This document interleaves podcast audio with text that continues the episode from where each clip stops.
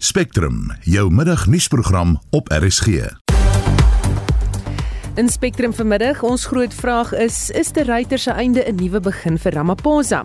Die vakansieverkeer begin toeneem. Ons kry die jongste oor die padtoestande op ons hoofroetes en al is Durban se water en rioolwerke in 'n haglike toestand, kry sy personeel 'n prestasiebonus maak nie saak hoe hard jy werk nie, jy kry jou betaling aan die einde van die maand. En dis wat die probleem is. Mense sal op 'n stadium moet begin kyk dat hulle produktiwiteit koppel aan bonusse en so meer.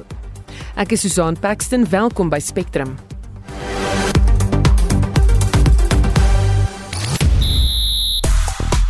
Nou dat ons weet wie Sondagkragte meet vir die sokker wêreldbeker, is daar ook 'n stryd aan die gang vir die voorste doelskieter van die toernooi. Tussen Sia Kolisi, Ebenezebeth, Lucanio Am, Frans Malherbe en Kurtley Arendse, wie is jou SA rugby manspeler van die jaar? En India stel van 48 vir 3 na 404 almal uit op dag 2 van hul toets teen Bangladesh. Die jongste telling in Chattogram en die volledige bulletin volg net na 12:30. En Eskom is die gewildste besprekingspunt op Twitter op die oomblik. Daar is sowat 43000 tweets hieroor. Gebruikers begin ook reeds praat oor die FIFA eindstryd tussen Frankryk en Argentinië van die gonswoorde daar Mbappe en Argentina. En dan Superman. Gebruikers is hartgebroke oor nuus dat Henry Cavill nie meer die ikoniese rol gaan vertolk nie. Hy vertolk dit nou al sedert 2013, maar die nuwe rolprent gaan glo op die sprokiesheld of eerder die strokiesheld Roosevelt se jonger jare fokus. Die nuus volg op sy aankondiging dat hy ook bedank het uit die hoofrol van die Netflix-reeks The Witcher. Ons uh, gesels ook oor Eskom en die bedanking van die bestuurshoof van Eskom Andre de Ruyter. Hy gaan in sy pos aanbly tot einde Maart aanstaande jaar om 'n gladde oorgang te verseker en tot 'n nuwe bestuurshoof aangestel kan word. Wat dink jy van sy bedanking en wie sy opvolger moet wees? Stuur 'n SMS na 45889 teen R1.50 of praat saam op die Monitor en Spectrum Facebook bladsy. So gans 8 minute oor 12 jy luister na Spectrum en die Eskom raadsvoorsitter gaan 1 uur vanmiddag meer besonderhede bekend maak oor die bestuurshoof Andre de Ruyter se bedanking. Ons vra intussen of sy bedanking 'n moontlike klip uit die pad gerol het by die ANC nasionale konferensie die komende naweek. Ons praat nou met professor Theo Venter, dosent in praktyk aan die College vir Besigheid en Ekonomie aan die Universiteit Johannesburg. Goeiemôre Theo. Goeiemôre Susan. Dink jy die ryter het strategies bedank vir die konferensie die naweek?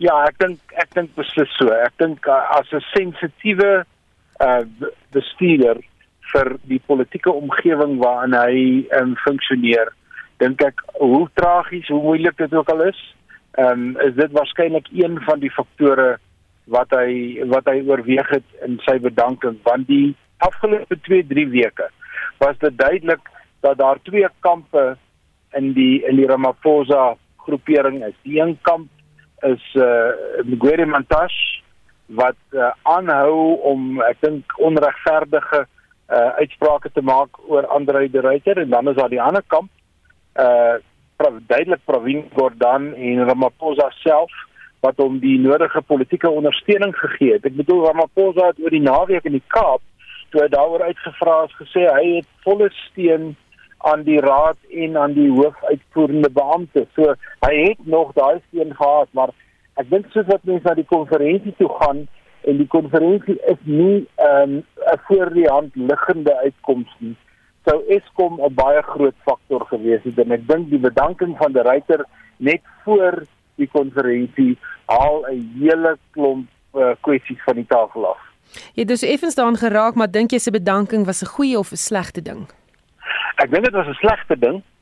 Ehm um, ek dink ehm um, die kritiek op hom uh dat hy nie 'n ingenieur is nie, dat hy nie dit is nie, dat hy nie dat is nie, is alles totaal en al ongeregverdig.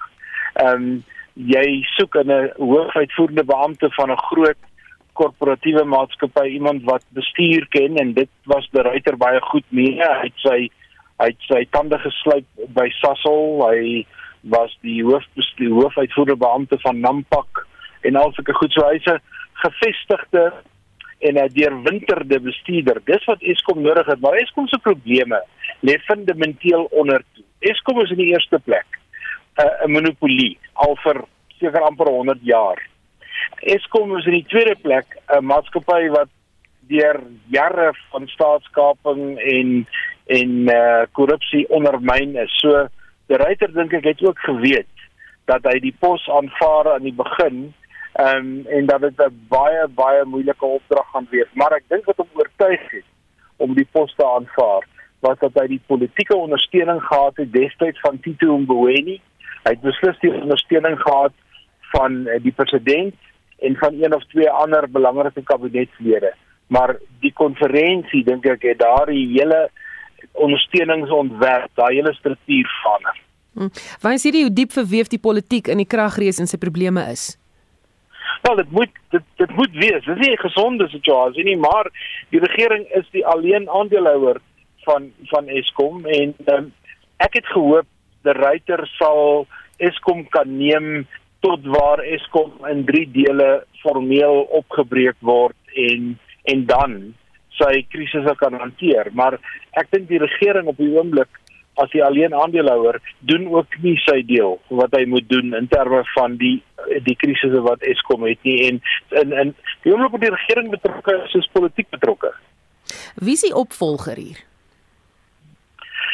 Wel, daar word wyd en suid gesoek. Ehm um, uh, ek weet nie wie die opvolger is nie, maar kom ek sê vir jou iemand wat uit die Eskom geleedere uitkom, min mense sal dit weet. En 'n ingenieur is van beroep en 'n baie baie um, suksesvolle bestuurder in die verlede was by Eskom is niemand minder nie as meneer Kieswetter die huidige hoof van SARS. Ek dink wat hy reg gekry het was om SARS terug te bring na na 'n uh, goeie funksionerende omgewing en ek dink um, as hy belang sou stel want hierdie is 'n vuurwarm pos en ander die ryter as hy self daaroor begin praat sal vir jou vertel hoe moeilik dit is om staande te bly. Uh is dit nogal iemand waaraan ek dink, maar ehm um, jy het iemand nodig met duidelike ingenieurs agtergrond. Nie omdat ingenieurs nou so goed is nie, maar ingenieurs word geleer om te dink rondom probleemoplossings. Ingenieurs word geleer in watter veld hulle ook al werk om goeders te vat wat onmoontlik lyk en dit moontlik te maak. Dis die een soort beroep wat by Eskom baie goed pas. En die tweede soort beroep wat by Eskom baie goed pas, is natuurlik 'n geopereerde ouditeur. Um iemand in die ouditeursberoep want Eskom werk met enorme syfers. So as jy uit daai beroep uitkom, is jy waarskynlik reg maar dan kom die politiek by en dan is die vraag is jy verteerbaar vir die politici want dit, die een ding waar politiek by betrokke is ek kan nou goed wees as wat jy wil maar politici hou nie daarvan dat die vinger na hulle toe gewys word nie. En politici hou nie daarvan dat die mislukking of die nie funksionering van 'n staatsentiteit of wat ook al as hulle probleem uitgewys word nie. Hulle gaan iemand anders daarvoor kwaliek neem en ongelukkig moes Andre Dreyer die spit afbyt hierdie ronde. Mm. Maar ons sien nie of hoor nie dat iemand kla oor kieswetter se agtergrond en dat hy nie finansiële agtergrond het nie, maar hy is tog die hoof van SARS of uh, die inkomste diens. Intussen uh, kan ons sien of gaan ons dalk nou sien dat Car Power Ship skielik die hawe invaar en klopie se skorsing deur die president. Hoe strategies was dit? Ja, ja die skepe, is goed dat jy dit noem. Ehm um, uh, uh slope hierdie week voor voor die uh, nasionale konferensie uh, ek het gister 'n paar um, goed begin neerskryf hier vind darm nou 'n geweldige klomp goed per dag plaas. Mense sou gedink het mense begin afskaal op wat Kersfees toe maar by die konferensie tussen nou en Kersfees neem dinge net toe. Met slope wil ek dieselfde sê as vir die openbare beskermer.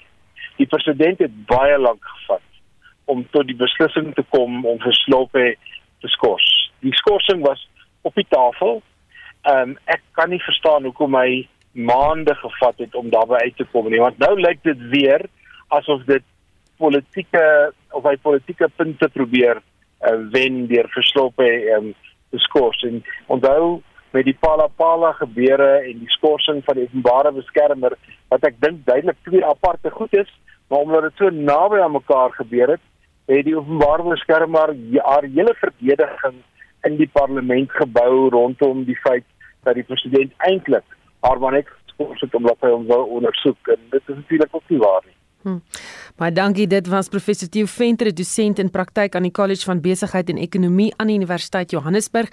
Ons praat nou ook met 'n ekonoom verbonde aan die Universiteit van die Witwatersrand, professor Janie Rousseau oor die ryter se bedanking. Goeiemôre Janie. Goeiemôre Suzan, goeiemôre aan die luisteraars. Jou reaksie op sy bedanking. Ek het dit verwag, uh, ek het dit sien kom uh na die optrede van uh meneer Montasi wat beweer het gemaak het dat hy kom die regering probeer om verder. Maar van ek geen geleentheid meer bereik om om te bly nie. So ek is nie verbaas nie trouens verbaas het te laat is gebeur. Wat is die impak van hierdie aankondiging op die ekonomie sover die rand?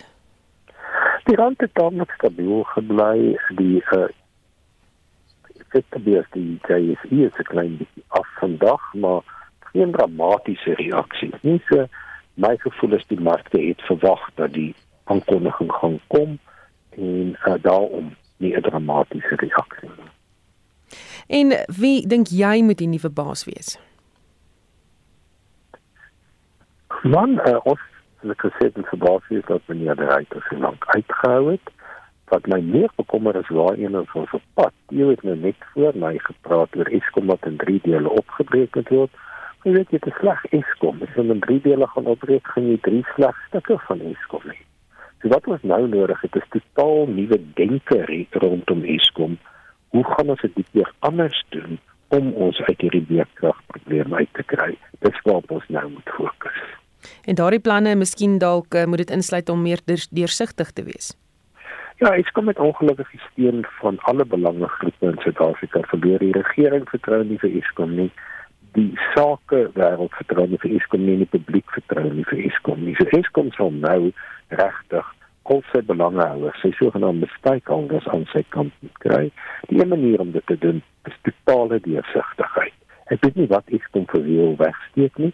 Ek sal byvoorbeeld vir Eskom in die hand doen om onmiddellik al hulle kontrakte vir openbare insaak te publiseer en die vanaf vorentoe ook alle kontrakte te publiseer. Die ander ding wat ek net vinnig oor moet waarsku Susan, daar's nou die idee dat die regering 'n deel van Eskom se skuld gaan oorneem. Ons moet net onthou dat so 'n balansstaat herskikking dan vir nuwe Eskom bestuur weer eens die vermoë gaan gee om geld te leen wat hulle 'n skoon balansstaat hê. En ons sal baie seker moet maak dat dit nie gebeur nie. Ons gaan Eskom oor 5 jaar vanaf in presies dieselfde balansstaat probleem sit as wat nou die geval is. Baie dankie. Dit was 'n ekonom verbonde aan Universiteit van die Witwatersrand, professor Janie Resou. Nou daar's geweldig baie terugvoer op ons Facebook bladsy en SMS lyn oor die ryter se bedanking en sy moontlike opvolger. Van die terugvoer reeds uh, Olivier Kritzinger sê duisendmaal dankie Andrei wat jy gedoen het tot die opbou van Eskom. Ons ken jou integriteit en dissipline dat jy alles gegee het, maar helaas het die nodige ondersteuning ontbreek. Voorspoed en seën vir jou en jou gesin. Alma Marie wat sê meneer die ryter dis 'n regtig slegte nuus vir Suid-Afrika, maar met vol begrip is dit verstaanbaar. Jy het alles en meer gegee. 'n Mens kan net soveel vat, soveel verdra en op die ou end moet jy en jou gesin daaronder lê en eh, ook jou gesondheid. Ek glo die hele Suid-Afrika verstaan dit, weet ook wat jy fisies en geestelik moes deurmaak en dankie dat jy vir ons probeer wat jy vir ons probeer doen net en mag jy dan nou geseënde tyd het op jou pad vorentoe. En Johanna Vel wat sê ek kan dit ryter nie kwaliek neem nie. Hy is die enigste een wat alles probeer het sonder enige ondersteuning. Ek bedank hom vir sy diens. Erika Griesel wat sê hy het baie gemors opgevreet. Ons haal ons hoed vir hom af. Ek sou lankal handdoek ingegooi het. Nou gaan 'n uh, donkerte meer op ons toesak. En uh, dan sê Elizabeth deel dit is uh, kommerwekkend want ons gaan so gebuk onder die load shedding besighede kry swaar werkers kry swaar en nie eers te praat van lae inkomste mense nie. Hoe gaan ons so sukkel donker kersfees koue kos? Dis regtig baie hartseer in die toestand wat ons land is veral Parys mense. As daar nie krag is nie kan hulle nie waterpomp of suiwer nie. Mense het nie water nie. Ek dink daar's klomp sulke gedeeltes in die lande wat nie water het as daar nie krag is nie. En dan Alwyn van Rooyen um, en hy sê dit so half tong in die kies is die beste nuus ooit. Die man moes lankal geloop het nou kan Eskom weer ordentlike besems vir 3200 rand per besem koop en 'n uh, volroom melk vir R60 per liter aankoop. Geen mens kan op uh, R15 per liter melk leef of met R90 se besems vee nie. Wat nog te sê van werk met R80 se knee pads?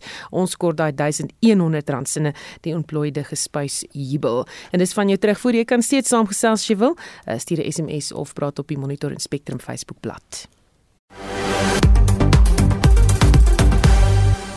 presies 22 minute oor 12. Die verkiesingskommissie in Noordwes sê daar's geen probleme aangemeld tydens gister se tussenverkiesings in die Dietse Botlam munisipaliteit in Lichtenburg nie. Die opkoms was egter swak weens giere weer en vir meer hieroor praat ons nou met die politieke ontleder aan die Noordwes Universiteit se Sakeskool professor Andrei Dievenage. Goeiemôre Andrei. Middag Susan. So minder as 30% van die geregistreerde kiesers het by die stembus opgedaag. Is dit bloot die weer se skuld? Uh, nee, dit is nie net die weer se skuld nie, maar ons wil daarom sê dat uh, daardie syfers is nie ongekend in plaaslike regering nie. Ons het maar altyd laer stempersentasies, soms baie laer stempersentasies op plaaslike vlak. So dit is nie ongekend nie. Die weer kon seker 'n element van 'n faktor gewees het. Die feit dat ons hier in die Kersfeestyd inbeweeg en ek dink natuurlik baie mense is gewoon uh baie ontgoochel deur wat gebeur het in die Sabotla en die ontwikkelinge oor die laaste tyd. So daar sal seker elemente wees van politieke apatie, maar dit is nie heeltemal buite patroon nie. So terwyl ons nog vir uitslae wag, watter partye staan dan nou 'n groter kans om wyke in te palm daar? Kyk daar omtrent, dis omtrent 15 partye wat deelgeneem het. Dit is die groter partye met uitsondering van Action South Africa as jy hulle nou as 'n groot party sou reken. So jou kern drie partye is die ANC, die Demokratiese Alliansie en die EFF. Maar dan is daar ook groepe soos die United Christian Democratic eh, Party, die Belastingbetalers Vereniging, uh kleiner tipe partye wat wel 'n rol kan speel. En ek dink ook die ACDP, die die Afrika Christen Demokratiese Party, het dan my wete ook 'n setel gehad. Nou ons moet net onthou dat daar word 20 wijkslede verkies en 19 lede op 'n proporsionele lys. Ek wil dit net noem en ek sê dit vir wat ek dit gehoor het en dit is nog heeltemal onbevestig dat die ANC nie so swak vaar as wat mense dink nie en dat daar 'n moontlikheid is dat die ANC weer met 'n volstrekte meerderheid na vore kan kom.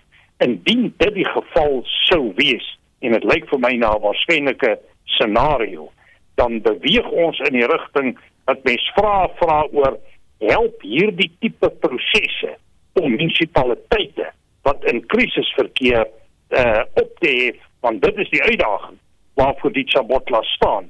En ons het gesien dat die ANC eintlik gefaal het in die verlede. So die vraag is is daar hoop vir die toekoms? Sou die verkiesing daardie pad gaan? Wat dink jy is die kanse van die onafhanklike kandidaat Susan wie jy onafhanklike kandidaate. Uh gewoonlik kry jy as jy sommige persone kry met 'n geweldige sterk profiel, dan is hulle redelik suksesvol as onafhanklik is. Maar deur ons breër geskiedenis heen uh sedert 94 kon onafhanklik is eintlik maar net op die wijksvlak meeding op plaaslike vlak, maar hulle baanrekord is in die algemeen nie baie sterk. Uh daar is natuurlik pogings nou aan die gang om die kiesstelsel te wysig om vir onafhanklikes sterker bedingings mag te gee om deel te neem aan verkiesings ook provinsiaal en nasionaal. Maar ek dink nie die impak van onafhanklikes gaan so sterk wees nie en indien dit die geval is sal dit bloot enkeles wees wat kan deurkom. Ek sien eintlik nie dat daar werklik sterk onafhanklike kandidaate kan deurkom in dit Sabotla Lichtenburg nie. Dit mag wees in ander plaaslike omgewings in die toekoms. Baie dankie. Dit was professor Andrei Dievenage, politieke ontleder aan die Noordwes Universiteit se Sakeskool. Jy luister na Spectrum. Op RSG. Nog 'n nuusorganisasies op Oudtshoorn trakteer kleuters vir Kersfees.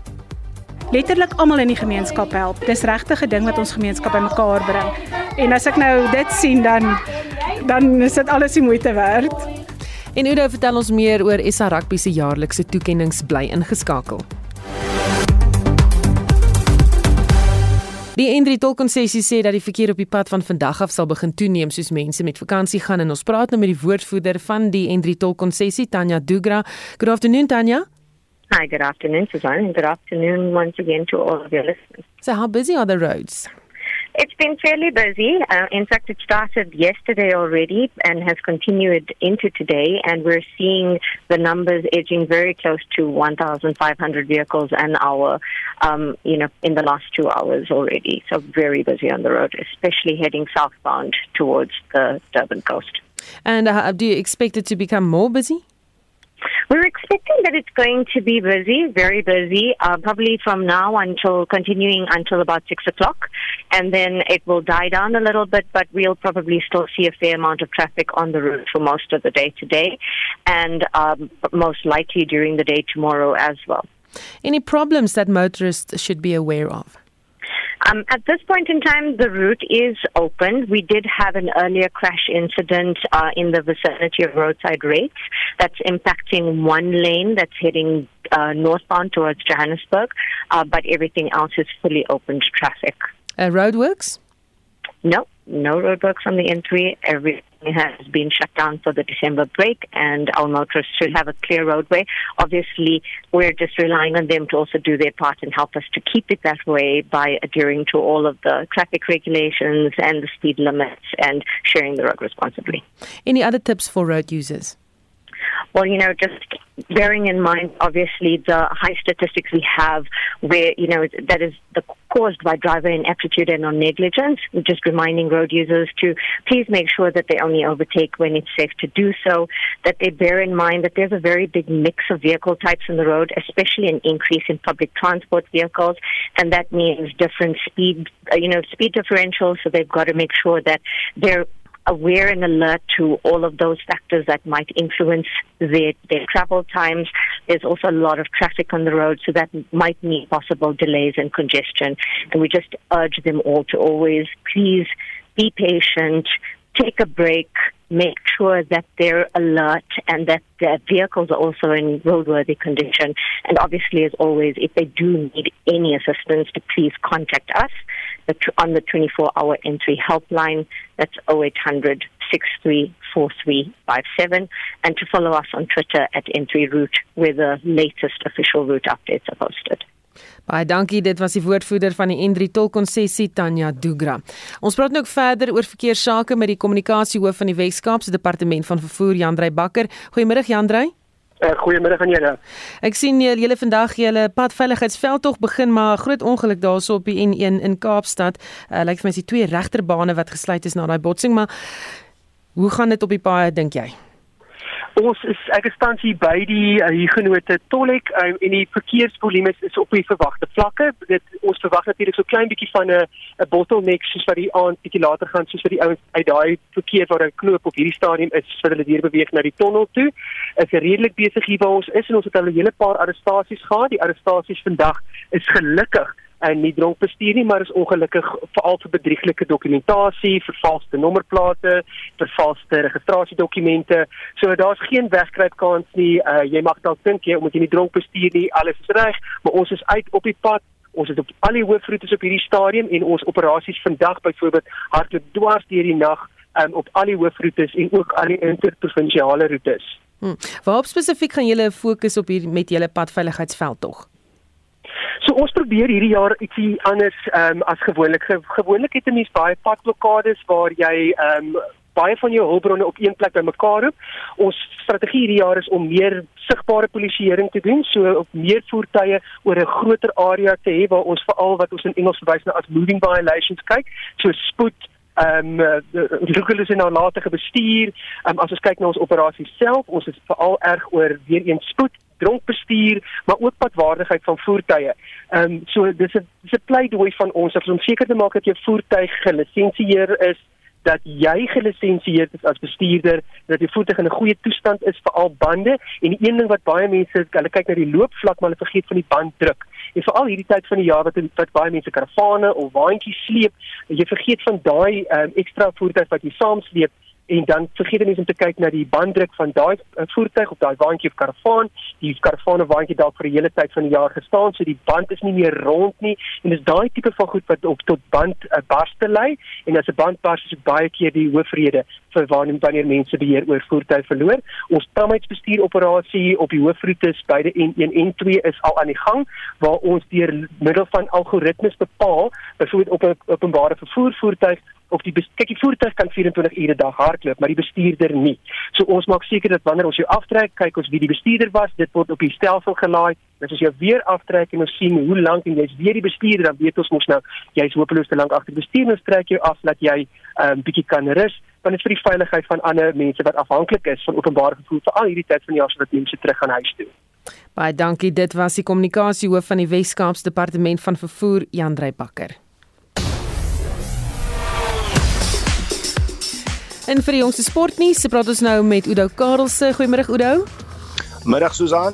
Nou ons weet eh, Frankryk sal Sondag 5 na middag te staan kom teen Argentinië in die stryd vir die sokker wêreldbeker, maar jy sê daar's ook 'n ander stryd wat in die loop van die finaal beslis sal word. Ja, Susan, en as dit uitloop op 'n crescendo gaan ons 'n fantastiese finaal ervaar. Die kwessie van wie die voorste doelskieter in die jaar se wêreldbeker is, is nog lank nie 'n gedane saak nie. Op die oomblik is Lionel Messi en Franse aanvaller Kylian Mbappé voor met 5 doele elk. Maar beide spanne het ook 'n speler wat hulle kan verbysteek. Vir Argentinië se Julian Alvarez op 4 doele, twee daarvan het hy in die semifinaal teen Kroasie aangeteken. Vir Frankryk is dit Olivier Giroud wat op 4 doele staan vir die toernooi. Die res van die spelers op die lys vir meeste doele is almal reeds uitgeskakel. Onthou Saterdag se uitspelwedstryd, dis nou tussen Kroasie en Marokko vind 5 uur plaas. 24 uur later is dit die stryd om die Wêreldbeker trofee omhoog te hou wanneer Frankryk en Argentinië soos jy nou gesê het teen mekaar te staan kom. Isa Rugby het ook laat gister sy lys bekend gemaak vir hulle jaarlikse toekenninge. Absoluut en luister, dis nou 'n posisie wat ek nie wil inwees nie om te hieroor te besluit. Uh in die kategorie vir manspeler van die jaar byvoorbeeld, is dit amper onmoontlik om tussen die spelers te kies. Ek het wel my eie gunsteling, maar die lys van 5 behels kaptein Sia Kolisi, slot Eben Etzebeth, stit Frans Malherbe, senter Lucanio Am en die nuweling vleuel wat net nie kan op 'n drie druk nie. Dis nou Kurtley Arendse. Dis nou wel die plegtigheid vir die 2022 jaar, maar die wenner sal eers vroeg volgende jaar bekend gemaak word. En dan sluit ons af met cricketnuus. Ja, India het uh, goed herstel nadat hulle op dag 1 hulself bevind het op 48 vir die verlies van 3 paaltjies. Die ster uh, herstelwerk danksy 90 lopies van die kolf van ou staatmaker uh, Cheteshwar Pujara. Uh, hy het uh, 90 uh, aangeteken vir as Ayer 86. Ster het ook lekker gewaai met bydraes van die draaiers Ravichandran Ashwin met 58 en Kuldeep Yadav met 40.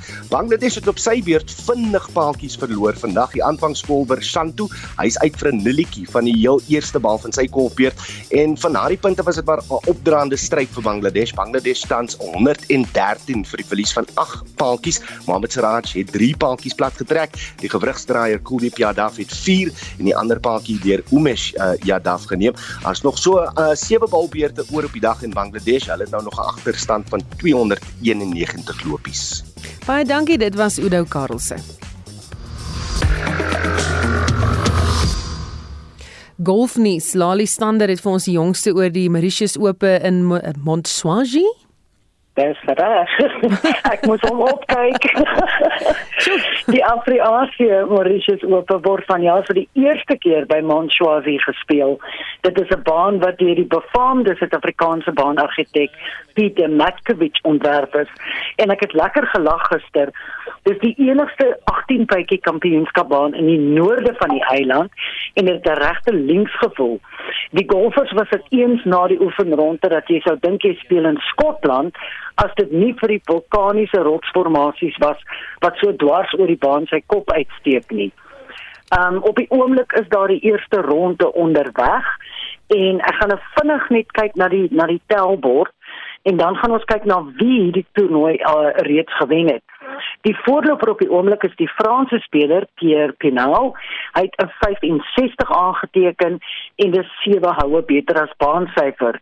JC Ritchie wat 'n baie goeie jaar verlede jaar en hierdie seisoen het, is op 66 net een hou agter Pinal. Dan is Niklas Lemke van Swede en Sami Valimaki van IJsland daar in die gesamentlike derde plek. En die volgende Suid-Afrikaner op die tellbord is die jong Jaden Shaper met 'n 68 vandag vier houe onderbaansyfer en gesamentlik in die vyfde plek saam met die Spanjaard Alejandro de la, uh, Del Rey en Jong Ko ook van Frankryk. Hierdie is 'n betreklike jong kampioenskap op die DP Wêreldtoer um, reeks. Hy het in Mei 2015 begin en die eerste wenner was George Coetzee van Suid-Afrika. Dylan Fratelli het hom ook gewen in 2018. Die ander drie wenners was almal ehm um, Europese spelers, so ons ons hoop regtig die uh, die Suid-Afrikaanse geluk duur voort met Tristan Strydom wat die Investec Suid-Afrikaanse Ope gewen het en ook die Strydom se ongelooflike sege by Leopard Creek in die Alfred Daniel Kampioenskap verlede Sondag. Ek gee weer later 'n bietjie meer inligting en dan kyk ons meer in diepte na wie die voorlopers is. Lali Stander vir RSG Sport. By kans 10000 nuwe konstabels in die polisie diens het die afgelope 3 dae uitpasseer. Die departement van polisie sê die nuwe lede gaan 'n belangrike rol speel om orde te handhaaf veral nou in die feesseisoen. Die konstabels se opleiding is egter gehul in omstredenheid en heel party polisielede op die grond sê hulle wil nie saam met die nuwe rekrute werk nie. En vir meer hieroor praat ons nou met Ian Cameron van Action Society. Goeiemôre Ian. Goeiemôre Suzan. Ons diegene wat mee in die opleidingsproses was onvoldoende. Wat het jy gehoor van die opleidingsbeamptes met wie jy kontak het? Ja, ongelukkig is dit so dat daar verskeie uh, nuwe rekrute was wat betaal het om nie aan sekere assesseringsprosesse deel te neem nie en nog steeds toegang te kry tot opleiding en en dan nou natuurlik aangestel te word as polisiebeampte. So daar's mense wat nie voldoen aan die volle uh uh reeks vereistes waaraan hulle moet voldoen om beamptes te word nie. So uit die aard van die saak is dit kommerwekkend want ons sukkel met korrupsie in die land en natuurlik in die polisie. En nou begin iemand sy loopbaan as polisiebeampte terwyl hy reeds eintlik korrup is. Hm. As jy sê betaal het om nie deel te neem nie, met ander woorde sodat dit misgekyk word.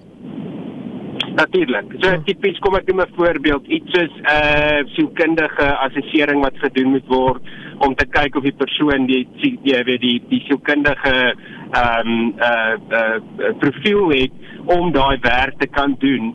Uh is, is tipies iets wat dan nou uh oor oor oor oorgesien word en uh en kort daarna word die persoon aangestel en en natuurlik ek dink nie ons ons besef altyd dadelik wat is die langtermyn gevolge daarvan nie. Dit beteken dis 'n beampte wat later dalk uh, vuurwapen op hom of haarself of op hulle gesinne uh, rig en dit is vir die afgelope 12 jaar vandat minister Bekkie Cele die nasionale kommissaris was, is dit 'n wesenlike probleem wat drasties toegeneem het. Jy was al saam met die openbare orde polisie, uh, jy weet buitekant en op die grond in of uit jou ervaring, hoe belangrik is doeltreffende opleiding?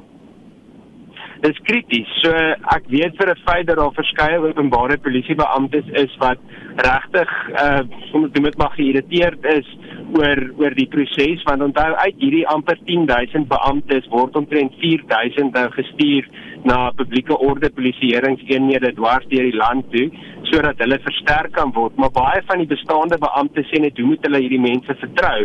As hulle nie die regte opleiding gekry het op die regte stappe en assesseringsdeur is nie hoe gaan hulle hulle self handhaaf as hulle onder baie stresvolle situasies is? En dit is letterlik 'n daaglikse lewe en 'n lewe en dood stryd onluste in Suid-Afrika het uh, het wesenlike geweld of het wesenlik toegeneem in terme van geweld die afgelope 2, 3 jaar, uh baie meer as van tevore en die risiko is baie baie hoog.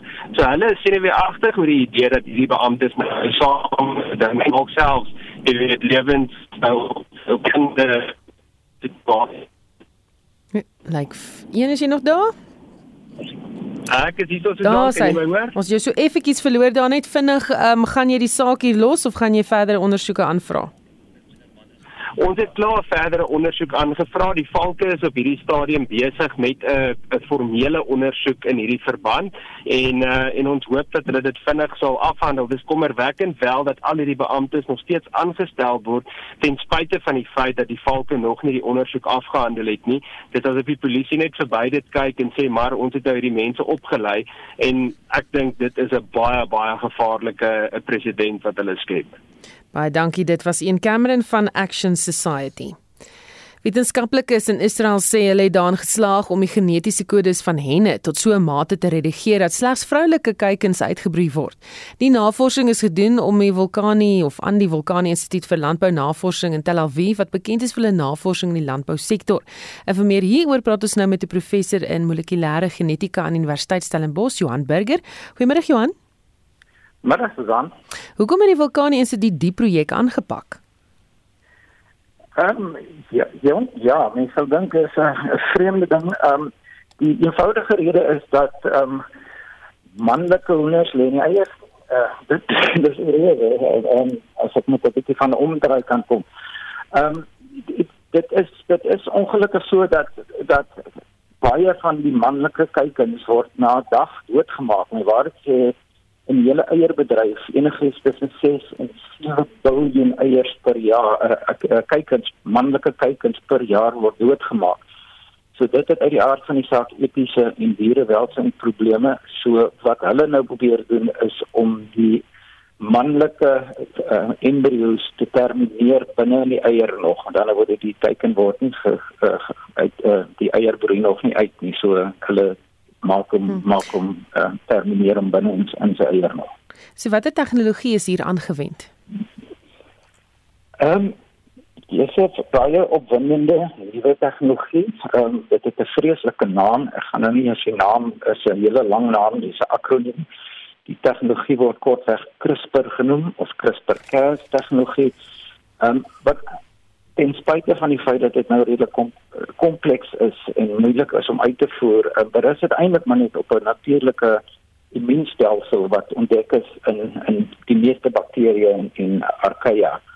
So die wetenskaplikes het so 10 jaar gelede ontdek hoe om die tegnologie te manipuleer en te gebruik sodat ons dit vir nuttige doel kan aanwend. Daar is heelwat vals inligting wat oor hierdie hoenderprojek versprei word. Waarvoor moet ons versigtig wees? Ja, dan dis so wat is 'n moeilike ding. Ehm um, wat wat hierdie mense nou eintlik probeer doen is hulle hulle het nou byvoorbeeld 'n uh, 'n hen van gemodifiseer met die CRISPR tegnologie.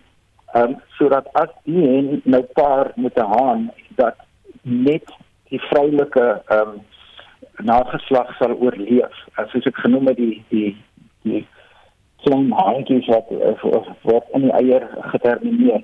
En, en dan is natuurlik nou mense wat dit meer teen die tegnologie het as wat hulle het teen die doel. Um, hulle hulle reken daar nog steeds etiese uh, uh, objektief wat is dit? Vraagstukke ja, besware. Ja, teen die tegnologie.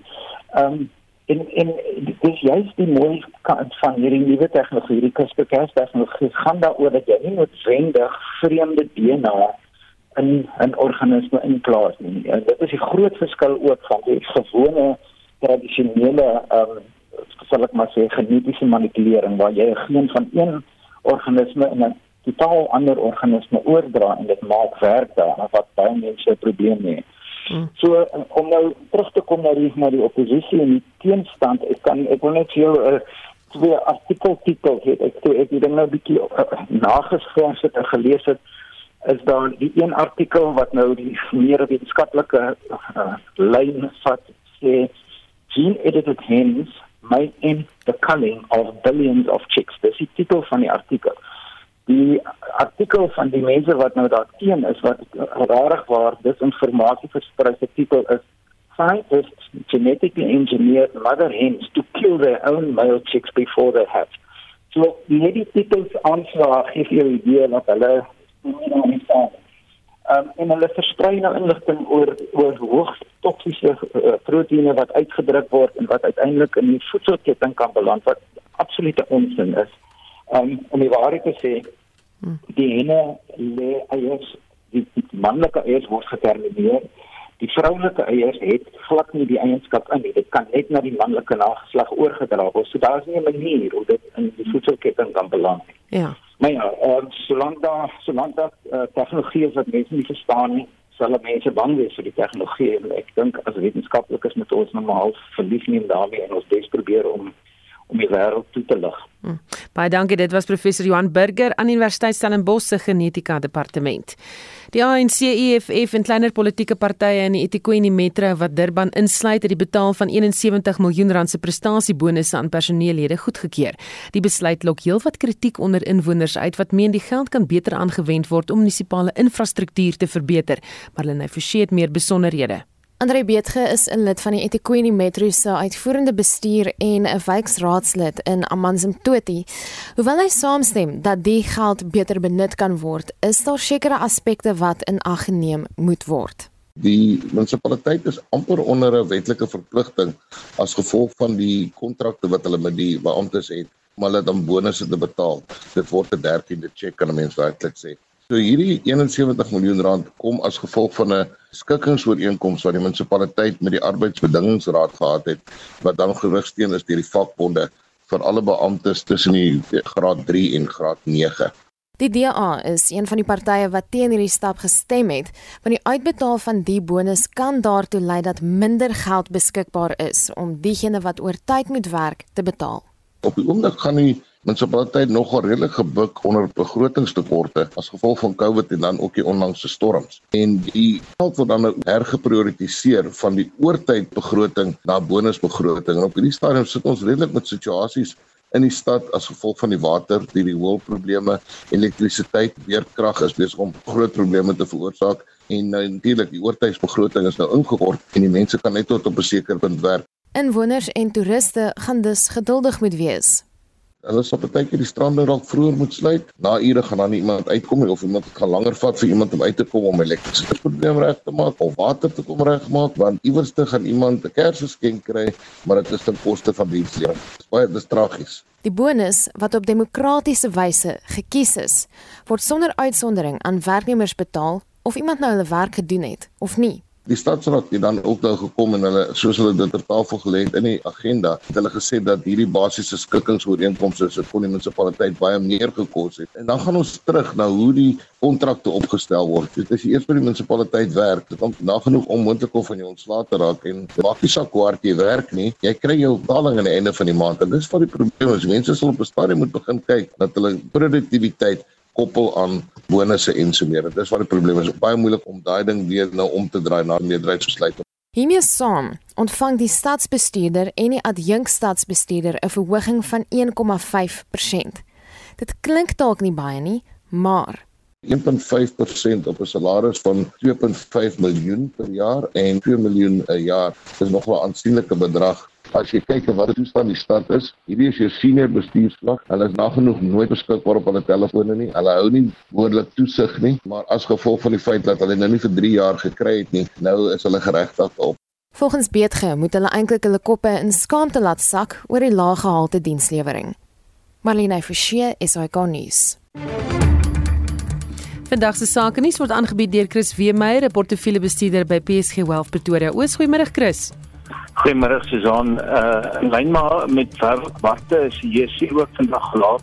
Algehele indeks nou sien 1,2% laer, hulpbronne 1,2% swakker, leverage indeks 1,4 en die finansiële indeks 1,3% laer. Ons het voor vanoggend ook uh, ons produsente prysinflasie syfer van November gehad en dit het teruggesak na 15 toe beter as wat die mark verwag het. Mark het verwag dat ons inflasie syfer van 15.7% gaan kry, maar dit het nou nie die mark veel gehelp nie. Dink die groot nuus vandag is op een van die kleiner maatskappye op die beurs, uh Steinhoff, uh hulle het vroeër vanoggend met omsigtigheidswaarskuwing uitgekom gesê hulle onderhandel met hulle krediteure om uh, om hulle skuld uit te stel en dan ook uh, aandeelhouers gaan uh, redelik terug uh van hulle belang moet uh, verwater die aandeleprys staan 50% laer en verhandel nou op 80 of 81 sent. Uh van die ander aandele wat onder druk is vandag sien ons net Capitec Bank 2,8% laer, Sibanye Stillwater 2,4% laer, Richmond 1,8% laer en Naspers 1,8% laer. So die markte in in sy geheel maar in die rooi in Londen is die FTSE ook vandag in die rooi verhandel tans 0,4% laer en Frankfurt die DAX 1,1% laer Parys die kerk ook met 1,1% daar. Die rand het maar nog steeds stabiel teenoor die dollar op R17.30. Die euro kos jou R18.37 en 'n pond R21 34 goudprys op 1778 dollar per fyn ons platinum op 1017 dollar uh, per ons en dan uh, die olieprys wat begin terugsak na 82 dollar 75 per vat. Susan, dis afgemaak net vandag baie dankie. Dit was Chris Weemeyer, portefeuljebestuurder by PSG Wealth Pretoria Oos. Verskeie organisasies het byeengekom om oor die feestyd 'n verskil te maak in die lewens van kleuters op Oudtshoorn in die Klein Karoo. Dis 'n projek wat in 2015 begin is met geskenkbokse aan minderbevoorregte kleuterskole. Met die KAK&K se revolutiebreiers aan boord het die kinders ook gebreide of gehekelde speelgoed in hulle kersbokse ontvang. Tanya Krause doen verslag. Bonnie Staki, Israel. Oudtshoorn wys sy Kersfeesgees. In 'n projek deur die plaaslike Rotarierklub en die KAK&K is meer as 1000 teddybere wat deur gemeenskapslede gebrei is aan kinders in die dorp uitgedeel. Revolusie is 'n KAK&K projek wat in 2019 begin is waar gemeenskapslede items brei en hekel wat gebruik word om Oudtshoorn se strate te versier van bome tot pilare, motors en ander voorwerpe is vervraai deur die plaaslike inwoners se kreatiwiteit. Liselma Pretorius van die Oudtshoorn Rotarier Klub sê die teddybere word met baie liefde gemaak deur revolusie vrywilligers wat die gemeenskap verenig en ware ubuntu wys. Vir my is die lekkerste van hierdie projek letterlik almal in die gemeenskap help. Ons kry geskenkte wol. Ons kom bymekaar so elke maand of een keer in 6 weke en dan brei en hekel ons saam en ons drink tee. Al die tannies van die gemeenskap. Dis regtig 'n ding wat ons gemeenskap bymekaar bring. En as ek nou dit sien dan dan is dit alles die moeite werd. Talle dorpsvroue kom bymekaar om te brei en te hekel. Een van die revolusie vrywilligers aan die Boesak sê vir hulle is hierdie projek 'n liefdestaak. Ons voel ons is hulle soos oumas vir die klein kinders. Ons het die kres aangeneem. Ons was al hier en ons is deel van die kres. En ons kom uit partymal kom ons na hulle toe. Ons kom sing en speel ons. En nou maar verbly het ons harte regtig met ons vandag deel kan wees om hierdie teddybeer projek vir hulle ook te kan help uitdeel. Die glimlagte op die kinders se gesigte is betaling genoeg hoof van een van die kleuterskole, Liesel Mapu, sê beide die onderwysers en ouers is dankbaar. Ons is baie opgewonde om trend die geskenking. Die rede is ons het 'n jaar wat baie swaar vir ons deurgegaan het omdat ons nou nog vir ag man het ons nog nie geld van die government af gekry nie. En net om vir ons se kinders weer hoop te skep van die baie kindertjies wat se ouers nou dit kan bekostig of hulle geskenkies te gee nie.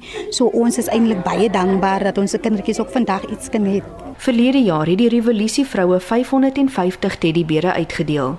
Vanjaar het hulle dit bykans verdubbel. Organiseerders is vol vertroue dat hierdie projek in die komende jare sal groei en selfs meer suksesvol sal wees. Ek is Tanya Krause op Oudtshoorn in die Klein Karoo. My heart is for the King of Kings. Annelien Moses is hier met 'n opsomming van die dag se nuusgebeure. Ja, Susan, een van die vrae wat uitstaan is of die bedanking van Eskom se bestuurshoof Andre de Ruyter 'n politieke klankie het. Professor Theo Venter, 'n dosent aan die Universiteit Johannesburg, sê die bedanking is strategies so kort voor die ANC se verkiesingskonferensie. Intussen het Eskom dele van Johannesburg se metro kwyt geskeld van beerdkrag nadat swaar reën groot skade op 'n aantal plekke aangerig het. Die burgemeester Dr Mpopalatsi het namens City Power die versoek aan Eskom gerig. 'n Woordvoerder van Eskom, Amanda Kruti, sê die metro het die nodige ondersteuning gekry.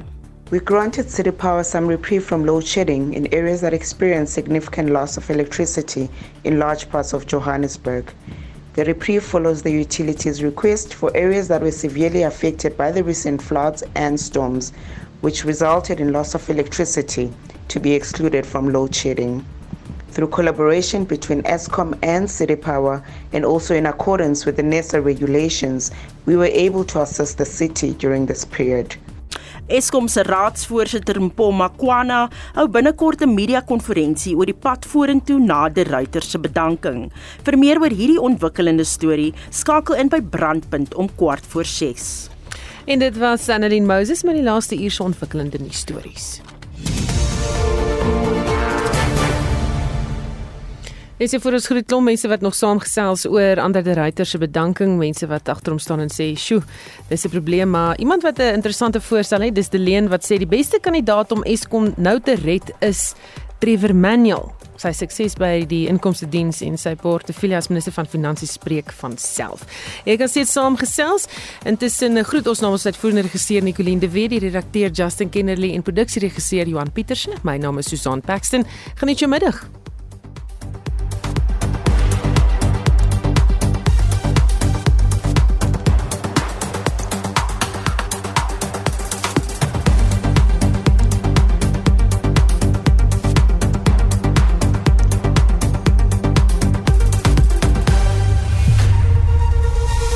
SAK nuus. Onafhanklik, onpartydig.